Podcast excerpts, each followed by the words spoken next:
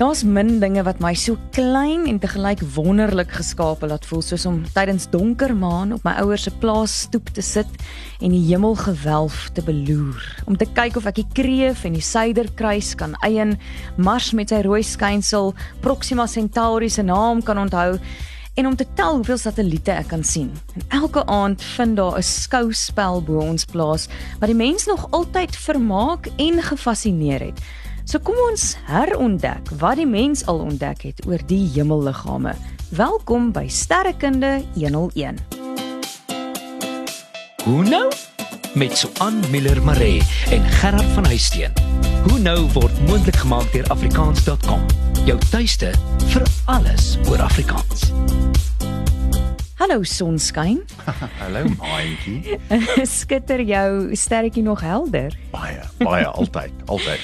Nou ek het vir jou 'n uh, onverwagse voorkennis vragie. Mm. Wat het ons dit altyd genoem op skool voordat jy begin, dan toets hulle eers jou ietsie en dan Voorbereiding. voorbereidingsvraag. Hoofblok Daar sê. Wat is die naam van die aandster? Venus. Mooi. Interessante uitspraak wat jy daar het vir hom. Wat moet is dit net- wees? Nee, ek weet nie. Uh Dis tog Venus? ja, maar dit klink soms mooier om te sê Venus. Uh, In Engels, ja. Ja. Maar ek hou tog baie daarvan om die tennisster Venus te noem. Ja. Dis my Sy snaaks. is wel Venus. Sy dis haar naam. Venus, ja. maar die ster se naam is Venus. Hulle is na dieselfde ster vernoem. Nietemin, daar is so baie te sê oor die pragtige hemelgewelf. Waar begin 'n mens met sterrekunde? So kom ons tref eers 'n onderskeid tussen iets wat ek ek darm aanneem algemeen bekend is tussen astronomie en astrologie. Ek raak altyd in mekaar. Die twee moet ons uitmekaar uithou, nê. Nee. So daai aster, daai aster is 'n ster, so dis albei gaan oor iets met die sterre te doen. Ja. Nomie, daai nomie gedeelte van astronomie gaan oor reëls of wette of kennis. Kennis oor die sterre, die wette van die sterre en so aan. Ons kry daai selfde nomie in woorde soos ekonomie, nê? Nee, dis die wette van die omgewing, van die ekosisteem, nê? Nee? Antroponomie, kennis van die mense, autonomie en dan natuurlik die bekende een in die Bybel, Deuteronomium, nê? Nee? Ah. Nou daai deutero beteken 2 en die nomium wet. So dis die tweede wet of die wet wat herhaal word, nê. Nee, dis Deuteronomium. Die logie gedeelte verwys ook na studie, nê. Nee, so dit kom uit die Griekse logos uit wat beteken verduidelik of 'n verhaal, nê. Nee, so dis die verhaal van die sterre, die verduideliking van die sterre. Want dit kom van logien af om te praat. Deesdae verwys logie altyd na studie, soos biologie, die studie van lewe, geologie, die studie van grond, nê. Nee. Mhm. Maar in die oudheid was die onderskeid geweest die astronomie, die sterrekunde, astrologie, sterrewiggelary. Goed. So die Ah. sterrekunde, die kennis van sterre en sterrewiggelary is om te wiggel, is om te voorspel wat gaan gebeur aan die hand van die sterre en so aan. So astrologie het meer te doen met verhale en stories rondom die sterre en astronomie die studie en die feite daar rondom. In vandag se tyd is astronomie die wetenskap, astrologie is daai goedjies wat jy in die koerant lees van wat môreoggend met jou gaan gebeur of jy's 'n skerpioen En- of 'n en of jy vir Chris Hemsworth gaan ontmoet. daai, al daai. dan nie. Presies. Nou watter een van hierdie twee het eers te bestaan? So uiteraard astrologie, nee, want ek bedoel eh, jy weet mense sien hierdie goedjies raak, die sterre raak en die planete raak en die son en die maan en dan begin hulle verhale vertel en hulle maak teorieë daaroor op en hulle gebruik dit om bepaalde goeters te verklaar soos hoekom gebeur dit en hoekom gebeur dat en so. Mm. Maar daar is bewyse van grottekeninge van so vroeg as 25000 jaar gelede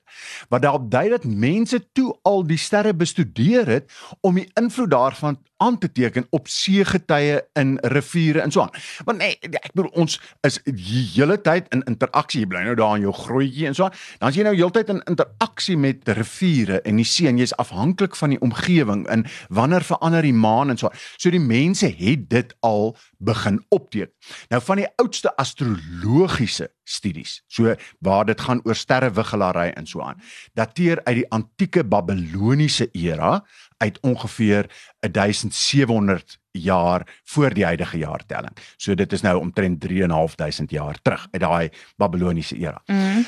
Nou sterrekundiges in antieke Griekeland het rondom die 4de eeu voor die huidige jaartelling was hulle van die eerstes wat geometriese modelle opgestel het vir die verklaring vir die beweging van planete en so.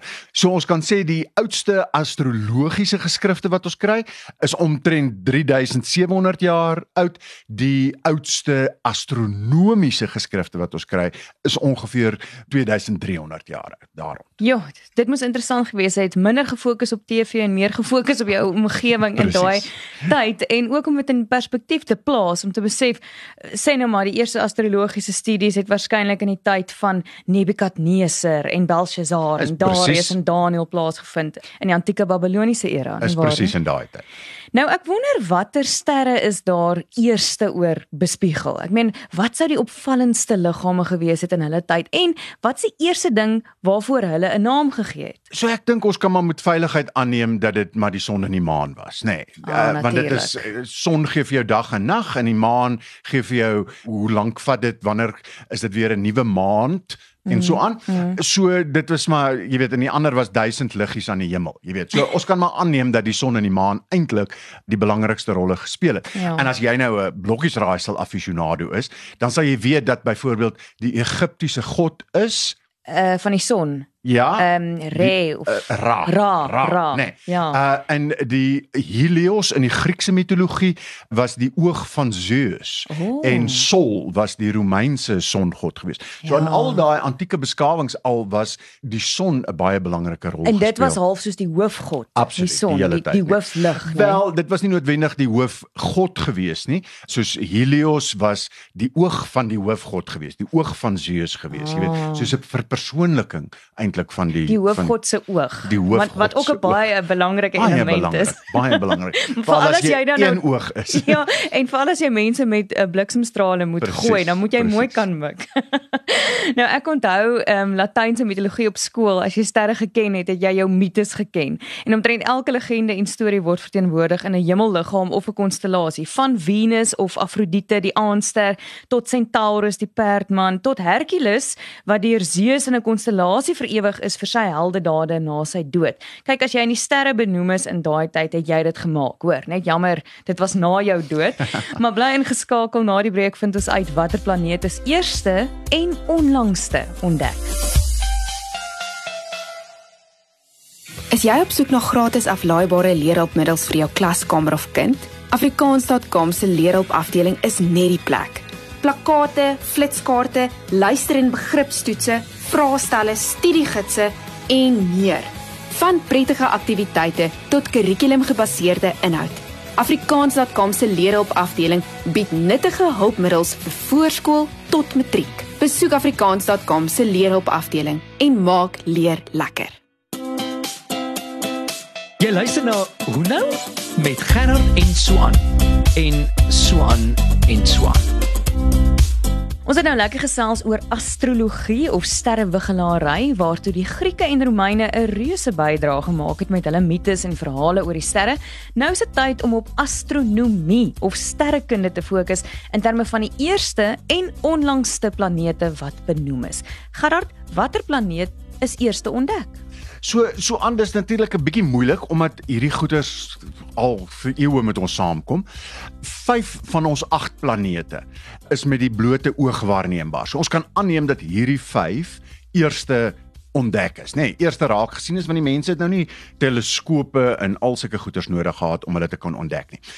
As ons gaan kyk, ek het probeer 'n tydlyntjie saamstel op grond van die eerste geskrifte waarin van die sterre vermeld word. Ja. Heel eerste Venus.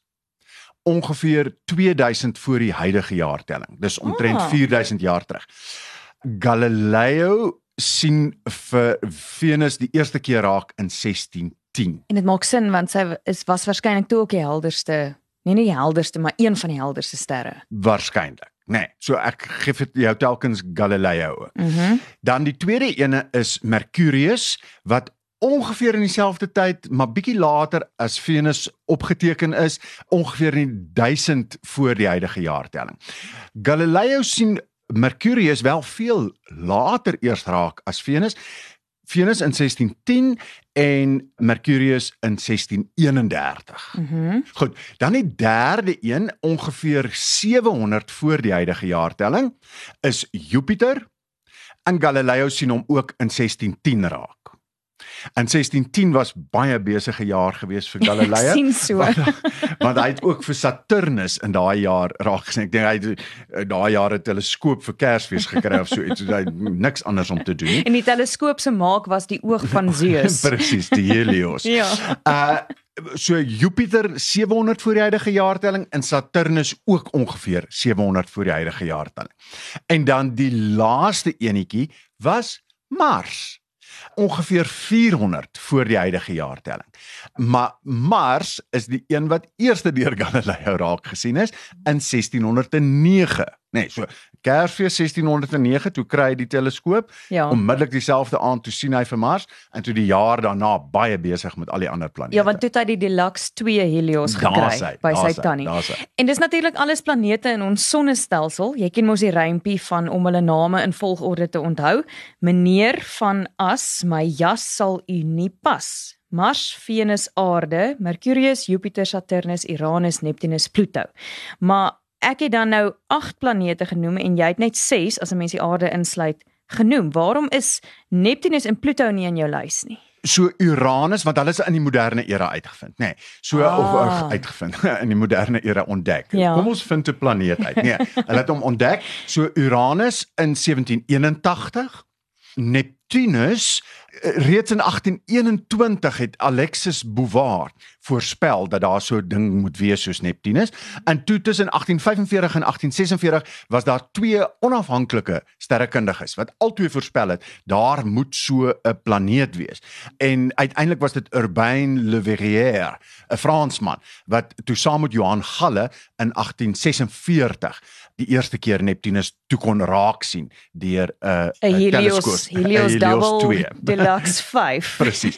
Nou nou sê jy in jou rympie meneer van as die maar ja sal in die pas Pluto, mm. -hmm. maar Pluto is natuurlik nie 'n planeet nie, nê. Nee. O, nie meer nie. Nie meer nie. Ja. So Pluto is in 1930 ontdek, maar in 2006 het hulle gesê, mm, -mm, "Jy kan nie meer vir ons 'n planeet wees nie. Jy's heeltemal te klein vir jou skoene." uh so en toe word hy 'n dwergplaneet. So dit is wow. word nie nou meer gereken as 'n planeet nie. So daai ruimte is net meneer van as u my jas sal u nie Punt. punt. Ehm um, so kan, ken jy nog ander dwergplanete? Glad nie. So Ceres is ene. Ja. Uh, ek moes ook gaan leer hiervan Haumea, Maki Maki, Eris en dan is daar ook Orcus, Quaoar, Gongong en Sedna. Dis almal dwergplanete in ons sonnestelsel. Dis nou nie buite ons sonnestelsel nie. Dis alles deel van ons sonnestelsel. Nou in September 2021 sit jy op jou stoel. So Mm. mm. einde verlede jaar in die akademiese tydskrif Annual Review of Astronomy and Astrophysics het twee Amerikaanse sterrekundiges, Gladman en Volk, Mm. mm. het hulle 'n teorie daar gesit wat sê anderkant Neptunus moet daar nog 'n planeet wees wat ongeveer so groot is soos Mars. Ooh. So net soos wat daai mense voorspel Van Neptunus, het, ja, dat Neptunus moet wees, so voorspel hierdie mense daar sit nog iets anderkant. So ons sit almal op die puntjies van ons stoele en wag om te sien of daar 'n nuwe planeet. Nou mag ek net vir daai mense dan nou 'n voorstel maak dat die planeet as hulle hom nou wel waarneem eendag dat hy tog met 'n P begin. Dat ons rympie nou wel net kan vol Weer kan raak met klaarmaak, Unipas. nee, ja, precies, dat dit asseblief net sin maak vir die Afrikaanse sprekendes. Dit is ongelooflik interessant en ongelukkig alwaarvoor ons tyd het. Al wat ek kan sê is wow, vir ons klein silwerige planeet in hierdie groot hemelmassa waarin ons osself bevind. Baie dankie vir die saamgesels en onthou info@hunou.co.za as jy nog verder wil saamgesels. Tot volgende keer. Onthou as dit nog 'n episode oor sterre en planete binnekort. Bye. Doodles. Hoe nou is saamgestel en aangebied deur Suan Miller Maree en Gerard van Huisteen en word moontlik gemaak met die tegniese ondersteuning van Marula Media en die finansiële ondersteuning van afrikaans.com. Jou tuiste vir alles oor Afrikaans.